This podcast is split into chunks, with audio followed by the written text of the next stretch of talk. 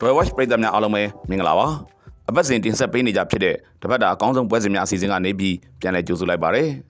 ဒီနေ့မှာဆိုရင်မနက်ပိုင်းမှာအောင်လာအန်ဆိုင်ရဲ့အောင်မြင်မှုကိုကြည့်ရှုခဲ့ရသလိုညပိုင်းမှာတော့တကယ့်ကိုစိတ်လှုပ်ရှားစရာဘောလုံးပွဲတွေကစောင့်ကြိုလို့နေပါတယ်ဒီတစ်ပတ်အကောင်းဆုံးပွဲစဉ်တွေကဘယ်ပွဲစဉ်တွေဖြစ်မလဲဘယ်လိုရလဒ်မျိုးတွေထွက်ပေါ်လာနိုင်ခြေရှိနေသလဲဆိုတာကို Royal Watch ပရိသတ်တွေအတွက်တင်ဆက်ပေးလိုက်ပါတယ်ခင်ဗျာ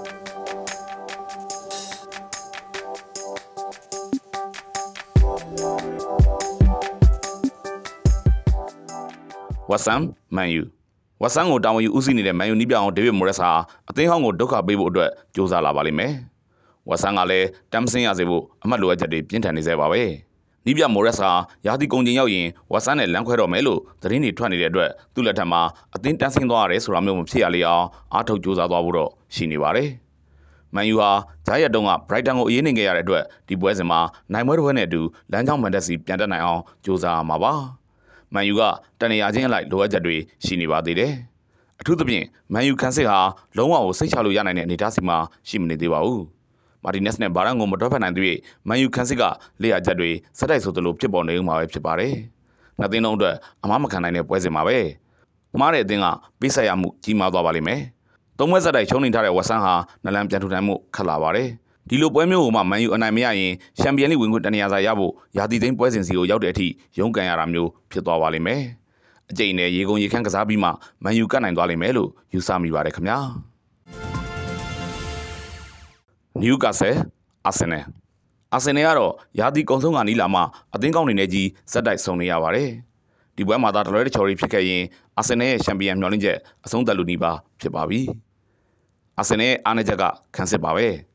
ဆလီဘာမကစားနိုင်တော့တဲ့အချိန်ကစလို့အာဆင်နယ်ခံစစ်ကြောင်းအမားများပြီးရိမ့်ရိုင်သွားခဲ့ပါတယ်။အာဆင်နယ်ရဲ့တိုက်စစ်လောအောင်တော့ကတော့အားရစရာအနေအထားတစ်ရက်စီမှာရှိနေစေပါပဲ။နယူကာဆယ်ရဲ့နိုင်ပွဲဆက်မှုတွေကိုအာဆင်နယ်ရပ်တန့်နိုင်စွမ်းရှိပါမလားဆိုတာစောင့်ကြည့်ကြရပါလိမ့်မယ်။သုံးပွဲဆက်တိုက်အနိုင်ရအောင်ကစားပြခဲ့တဲ့နယူကာဆယ်ဟာချန်ပီယံလိဝင်ခွင့်တန်ရာစာရယူနိုင်ရေးအတွက်အမှတ်ရှာဖွေနေပါတယ်။နယူကာဆယ်ရဲ့အိမ်ကွင်းဖြစ်နေတာကြောင့်အာဆင်နယ်အခက်တွေ့ရမှာပါ။ အသင်းတည်ငြိမ်နေမှုကိုရှင်းကြည့်လိုက်ရင်လက်တလုံးမှာအာဆင်နယ်တဲ့နယူကာဆယ်ကပိုပြီးအားစရာကောင်းနေတာကိုမြင်တွေ့ရပါလိမ့်မယ်။နယူကာဆယ်ရဲ့တိုက်စစ်တွဲလုံးတွေကိုအာဆင်နယ်ကသတိကြီးထားပြီးထိန်းချုပ်ရပါလိမ့်မယ်။အမှတ်လိုအပ်ချက်ပြင်းထန်နေတဲ့အသင်းတစ်သင်းရဲ့ပွဲစဉ်ဟာသေရလနဲ့ပြီးဆုံးသွားလိမ့်မယ်လို့ယူဆမိပါတယ်ခင်ဗျာ။ဘုံမောက်ချက်စီချက်စီကပုံစံကောင်းတစ်ခုရဖို့ရုန်းကန်နေရဆဲပါပဲ။ဒီတိုင်းဆိုရင်ချက်စီအတွက်ကသိမ့်မလဲနိုင်တော့ပါဘူး။ အသင်းကိုပြုပြင်ပြောင်းလဲရေးလုပ်ဖို့အတွက်ချက်စီကအစီအမံတစ်ခုမလွဲမသွေချမှတ်ရတော့မှာပဲဖြစ်ပါတယ်။ချက်စီကတနေရာချင်းအလိုက်အမားတွေများလွန်နေပါတယ်။ထိတ်တန်းစင်းရှိတဲ့နီးပြတယောက်ရဲ့လက်ထဲကိုဝါကွက်အနိုင်မှာပဲချက်စီနလန်ပြန်ထူနိုင်ပါလိမ့်မယ်။ဘုံမောက်ကနောက်ဆုံးကစားခဲ့တဲ့ပရီးမီးယားလိပွဲစဉ်၅ပွဲမှာ၄ပွဲအထိတောင်အနိုင်ယူထားတာပါ။ဘုံမောက်ကိုပဲအားပေးတင်ပါတယ်။အနေဆုံးဖြစ်ဘုံမောက်ကတေးခံကန်သွားပါလိမ့်မယ်ခင်ဗျာ။ Man City Leeds United Man City ကချန်ပီယံလမ်းကြောင်းကိုပြီးပြင်းပြင်းပုံဖော်လို့နေပါပြီ။အခုချိန်မှာ West Ham Leeds United တို့လိုအသင်းတွေနဲ့ကစားရတာက Man City အတွက်ကံကောင်းမှုပါပဲ။ Man City ရဲ့ကစားသမားအင်အားတောင်းတမှုကပြိုင်ဘက်တွေထက်အပြတ်သားလုံးလို့နေပါတယ်။အဲ့ချက်ကြောင့်ပဲဂျင်းတဲ့ချက်တိုက်ကနေဖောက်ထွက်ပြီးချန်ပီယံဖြစ်ဖို့အတွက် Man City ကအရှိန်နေကောင်းမွန်လာခဲ့တာပါ။ Leeds United ကတော့အခက်မသိရင်တန်းစင်းစုံနဲ့ထိုးဆင်းသွားဖို့ရှိနေပါပြီ။ Man City ပဲဂိုးပြတ်နိုင်သွားပါလိမ့်မယ်ခင်ဗျာ။လီဗာပူးဖရန့်ဖို့